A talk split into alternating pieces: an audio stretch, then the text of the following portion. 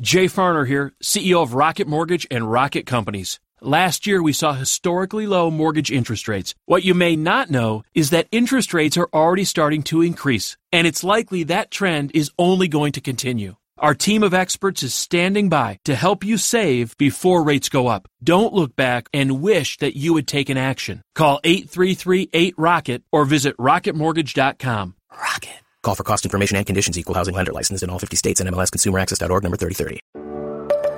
This is what matters most, and I'm Matt Popovits. Look, life is crazier than ever, and lots of people, maybe even you, are feeling anxious and overwhelmed. Today's message is designed to help you figure out what's most important and to experience the peace and joy that God intends for you. Because life is a gift, and it shouldn't be wasted on worry. I'd like to give you a resource, something to help you navigate the road ahead. Just go to mattpopovits.com, click on the icon, and we'll send it to you. That's Matt, P-O-P-O-V-I-T-S dot com. And hey, if you happen to live in the Houston area, I'd love to see you on a Sunday morning at St. Mark in Spring Branch. Head to stmarkhouston.org to plan your visit. Here's today's message. Thanks for listening. I have for you today just, just a handful of, of truths, uh, so, some words of wisdom from the Word of God that I think would be helpful for you to take with you, to carry with you they come to us from the book of Proverbs, which is a, a, book of wisdom, and, and there are quite literally hundreds and hundreds of, of nuggets of, of just pure gold in this book. But in a recent reading of it, there were three of them that stood out for me that I thought would also be helpful to share with you. And I just encourage you, along with whatever else you're taking into this year, to consider taking these three things. Now, before we dive into these three Proverbs, um, a little background on the book of Proverbs if you're not familiar. Uh, the book of Proverbs is a book of, you could put it like this it's a book of divine dad advice. You know what dad advice is, right? There's normal advice, and then there's dad advice, which is that kind of worldly wisdom that only a father can give. It's that fatherly wisdom that is usually kind of quirky, sometimes crude, but always overflowing with helpful truths. So, for example, um, some dad advice would be something like this. I jotted some down. Uh, never turn down a free meal. That's some dad advice you'll hear. Uh, something I once heard someone say is never take a job where you can be replaced by a bucket of sand. I don't know what that means, but that's some dad advice for you. Something I've told uh, our children is always treat mom with respect. She makes our food and she knows our secrets. The story is told of a, of a girl who backed into a Mercedes and she called her dad for some quick advice. And his words to her were Give him your, your insurance information, and next time hit a Ford. That was his words of advice. The book of Proverbs is divine dad advice. It was written largely by King Solomon, who we're told in the scriptures and throughout history is the, the wisest person who's ever lived. And at different moments in the book of Proverbs, he, he, quite literally addresses it to his son. It's a book full of wisdom from a father to a son about how to thrive in the world that God has made. And since we ultimately believe that this book was inspired by God the Father, it's not only useful for Solomon's kids, but for all of God's children. If we want to wrap our arms around it and apply it to our life, it's helpful for our thriving in God's world. And so, in my reading of this book, there were, there were three things, three pieces of wisdom from Solomon, ultimately from God the Father, to me, to you, about how we can potentially make the most out of 2021. The first piece of wisdom is this don't put too much trust in or derive too much pride from your plans. This is a word of humility. You and I would be wise to be mindful of how little control we actually have over our lives. And if 2020 reminded us of anything, it's of that. That we can make plans, but our plans quickly get changed. You make a whole lot of plans, you fill out your planner, you make your resolutions, you list out your goals, and then all of a sudden you're wearing a mask in church, you're working from home, kids are fighting in online school, and you're wondering if posting a picture of the family eating inside Whataburger on Facebook is going to be too politically divisive. That's where you find yourself. Now, that's not to say that you shouldn't make plans, but we should hold our plans loosely. Listen to what Proverbs 27, verse 1 says. It says, Do not boast about tomorrow, for you do not know what a day may bring. Hold your plans loosely and hold on to your God more tightly. Now, the reason that needs to be said is because you and I, we tend to do the opposite. We make our plans, we hold on to them with a death grip, and then when our plans change, we insist on holding on to our plans and the way we think life should go, and what we let go of is our trust in God. We let go of our trust in God and we start hurling accusations and doubts His way. Let me give you another proverb. Proverbs 19, verse 21, it says this Many are the plans in the mind of a man or woman, but it is the purpose of the Lord that will stand. Many are your plans, but it's the purpose of God that will ultimately get its way. Your plans for this year may be great, may be wonderful, may be good, but your plans are not a contract with God. God does not read your annual calendar or your list of goals and go, Well, I got to make that happen for him now. Your plans are not a contract with God. Your plans are not a promise from God. You could put it like this Your plans, my plans, are not God. Now, should we make plans? Yes. Hold them loosely, hold our trust in God more tightly. A person of faith approaches their plans for the year like this They say, Lord, here's my plans. Here's what I would like your will to be. But I want your will more than I want my way. That's a phrase worth holding on to. That's something people of faith say. I want your will, whatever it is, more than I want my way. The most important plan that you can make right now, the most practical plan you can make right now, is what you will do and how you respond when your plans don't pan out. Do some scenario planning, as they call it. And plan right now what your attitude will be toward God. When your plans don't pan out, will you shake your fist at Him saying, I thought we had a deal? And still fighting in your heart and mind to get your way? or continuing to hold on to the way things should have been and the way things should go? Or will you relinquish your plans to God when God erases your plans and say, ultimately, I want your will more than I want my way? Which will it be? Decide now. Second truth for us to hold on to in this new year is this don't indulge the urge to compare and compete. Don't indulge the urge to compare and leave justice to God. Uh, this proverb is about contentment, being content with, with where God puts us this year and content with where God puts other people this year. That might be the hardest part. Uh, listen to the proverb from which this truth is derived Proverbs 24, verses 19 through 20.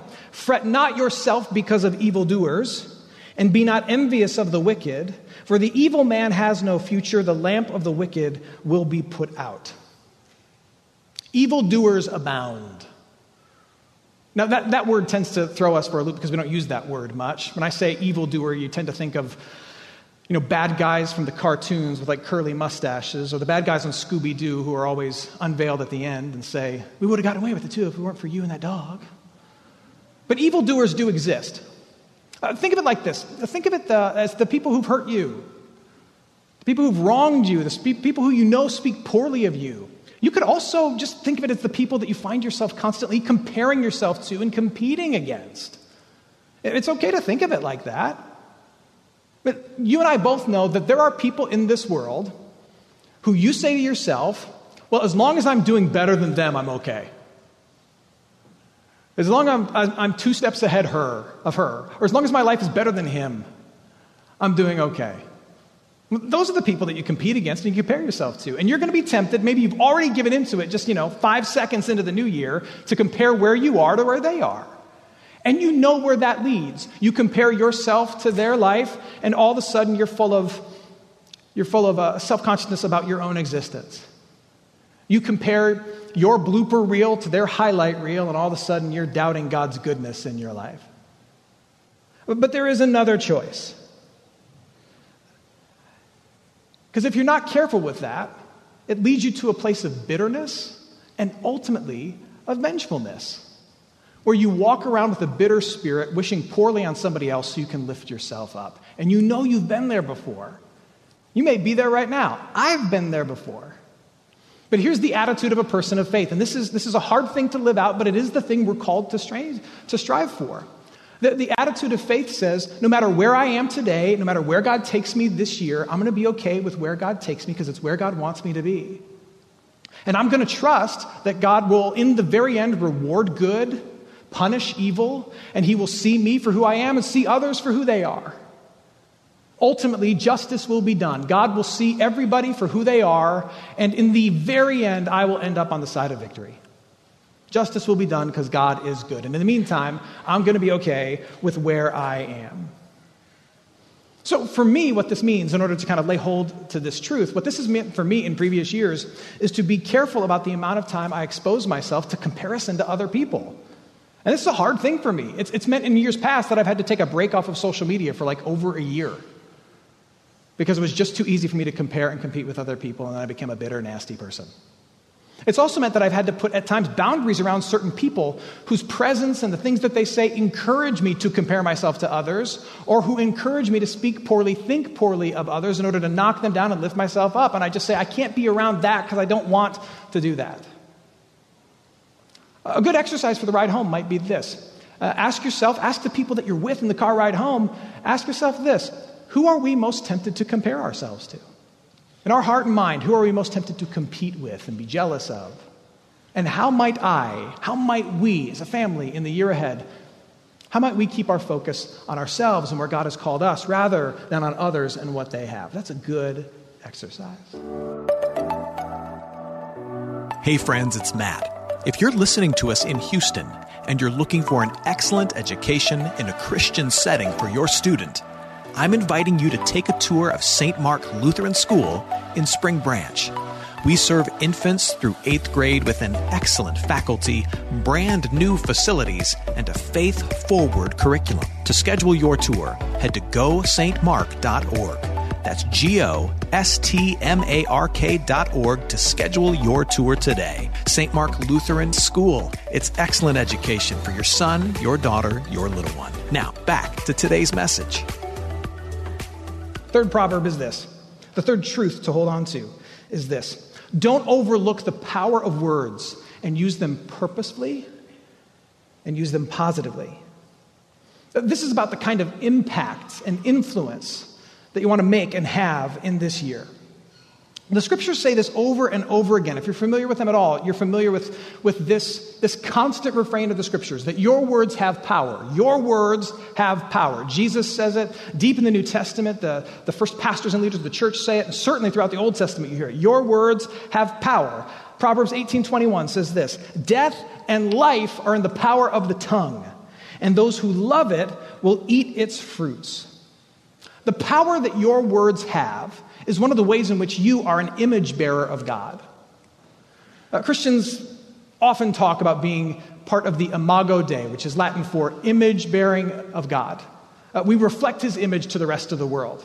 Uh, there are certain aspects of life as a human being that reflect the character and the nature of God that the rest of creation doesn't reflect. And one of those things is the fact that when we speak, stuff happens.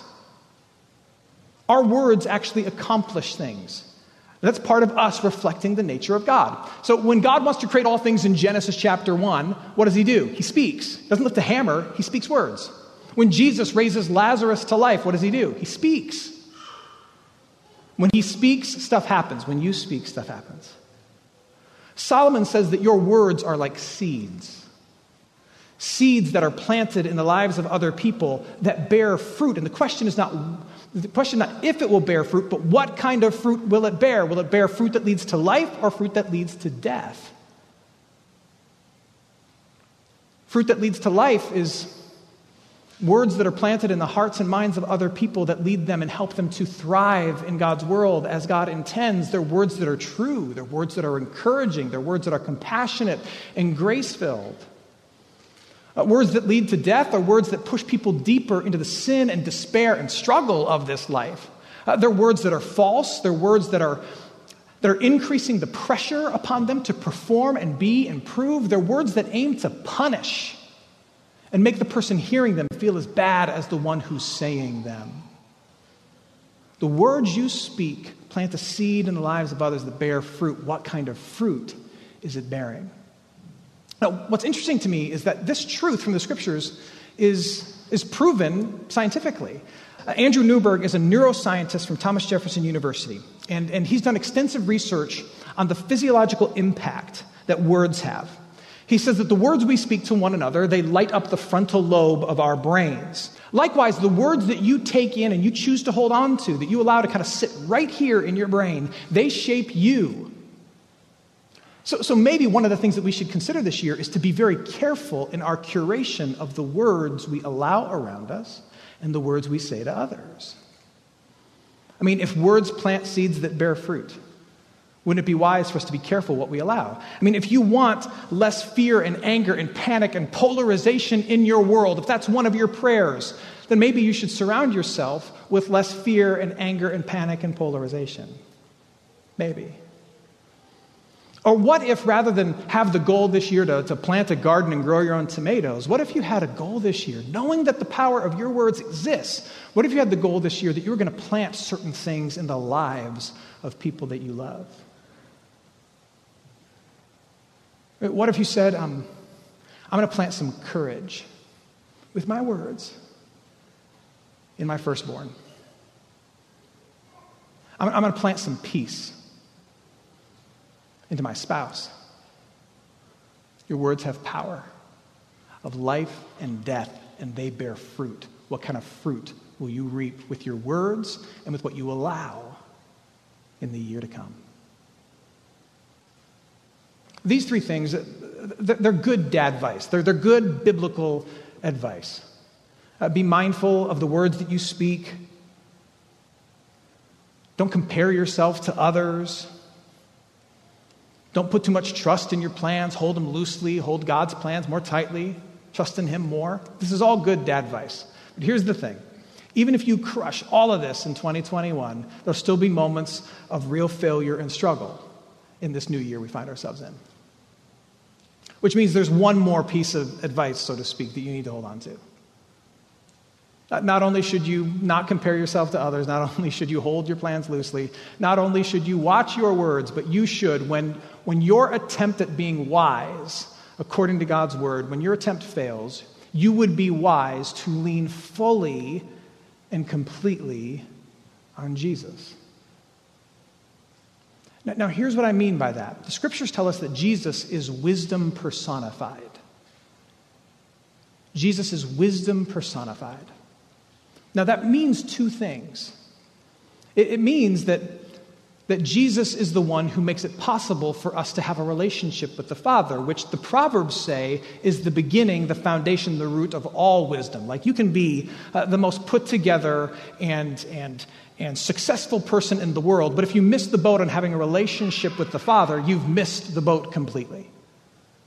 And that's why the, scriptures say that, that fear of the Lord, worship and awe for God the Father, having a relationship with Him is the beginning, the foundation of all wisdom. Because if you fail to have a relationship with Him, you just miss the point of this whole existence. And Jesus Christ, through His life and His death and His resurrection, is the one who forges a relationship for you with the Father. So if you don't have a relationship with Christ, you don't have a relationship with the Father, you're a fool. So he is wisdom personified because he gives you the most wise thing, which is a relationship with him. But he's also wisdom personified in that he lives out all of these truths given to us in the Proverbs and beyond. He lives them out to perfection. And these truths, when you live them out, they have certain benefits.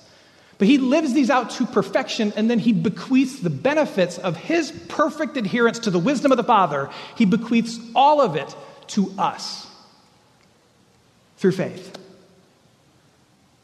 He's planned for you that no matter what happens to you, you're going to be in the Father's family. Every sin's going to be forgiven. Your future is secure. Nothing will shake that plan. Trust in it, take pride in it, lean upon it, especially when your plans fall apart. Uh, likewise, as you compare yourself to others and you feel like you fall down, you don't have what you want, don't have what you need, remember that God sees you as all good in His eyes because of the work of Jesus. Because the perfection of Jesus and the love of Jesus covers over you, the one who made you, the only one whose opinion really matters. When he looks at you, he sees someone he loves and accepts. So no matter how you compare to others, you're fine in the eyes of the Father through Jesus. Wisdom personified.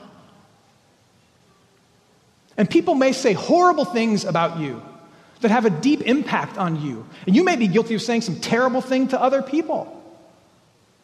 But here's what I know to be true That Jesus uses all of his words to speak nothing but good things about you. He speaks nothing but forgiveness over you. He speaks nothing but grace and love to you. He speaks nothing but the blessings of God to you. And when God speaks, stuff happens. So Jesus says you're forgiven, and you are. Jesus says you are loved, and you are. Jesus says that there is nothing but mercy that flows from heaven towards you, and there is nothing but mercy for you. Because when God speaks, stuff happens and it becomes true for you.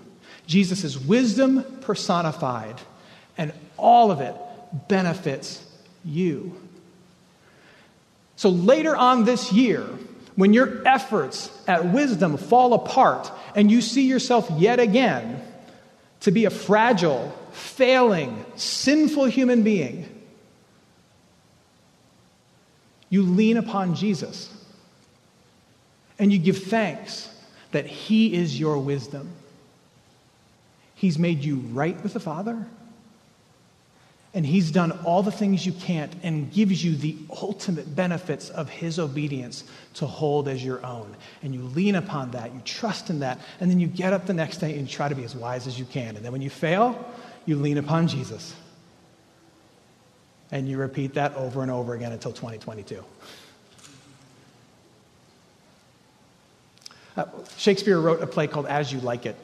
There's this line that's always stood out to me from that play, and it goes like this It says, The fool doth think he is wise, but the wise man knows himself to be a fool. When you realize your foolishness later this year, the wisest thing you can do is admit it and confess it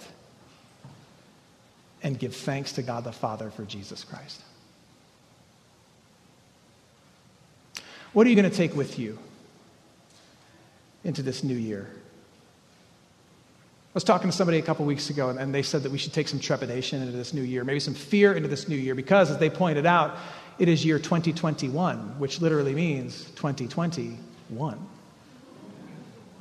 I'm like, I don't think that's anything. I don't think. What are you taking with you? This week marks Epiphany on the church calendar. And we celebrate the fact that God in flesh has entered into our world, and the bright light of Jesus, God in his fullness, enters into your world and shines on you, shines on me, shines on everybody. The best way to start a year and to celebrate this week is to hold tight to that light. And you hold on to that light by, by holding on to the, the truths of Scripture that we've talked about today. Take these three things, put them in your back pocket, hold on to them, and say, I'm going to hold on to the bright light of God's love that shines through His Word and the truths that we've talked about today. I'm going to hold on to these things. But also, also, hold on to the Word made flesh in Jesus. Hold on to Him. Because He is the wisdom of God in flesh for you personified, perfected, and given to you as a gift. May you be wise this year. Hold your plans loosely. Keep your eyes on God and yourself and off of others in comparison. Use your words to bring life. And when this year kind of falls apart like last year did, give thanks that Jesus is your wisdom. Let's pray. Heavenly Father, uh, once again, we, we thank you that you have sent your Son into this world. We thank you that, that He has given us your Spirit so that we can understand your word and we can learn from it and we can be guided and directed and convicted by, by truths like these. And, and we pray that these truths and, and any others that you reveal to us w- would shape each step that we take, every decision that we make this year. We want to be as, as wise as we can according to your word.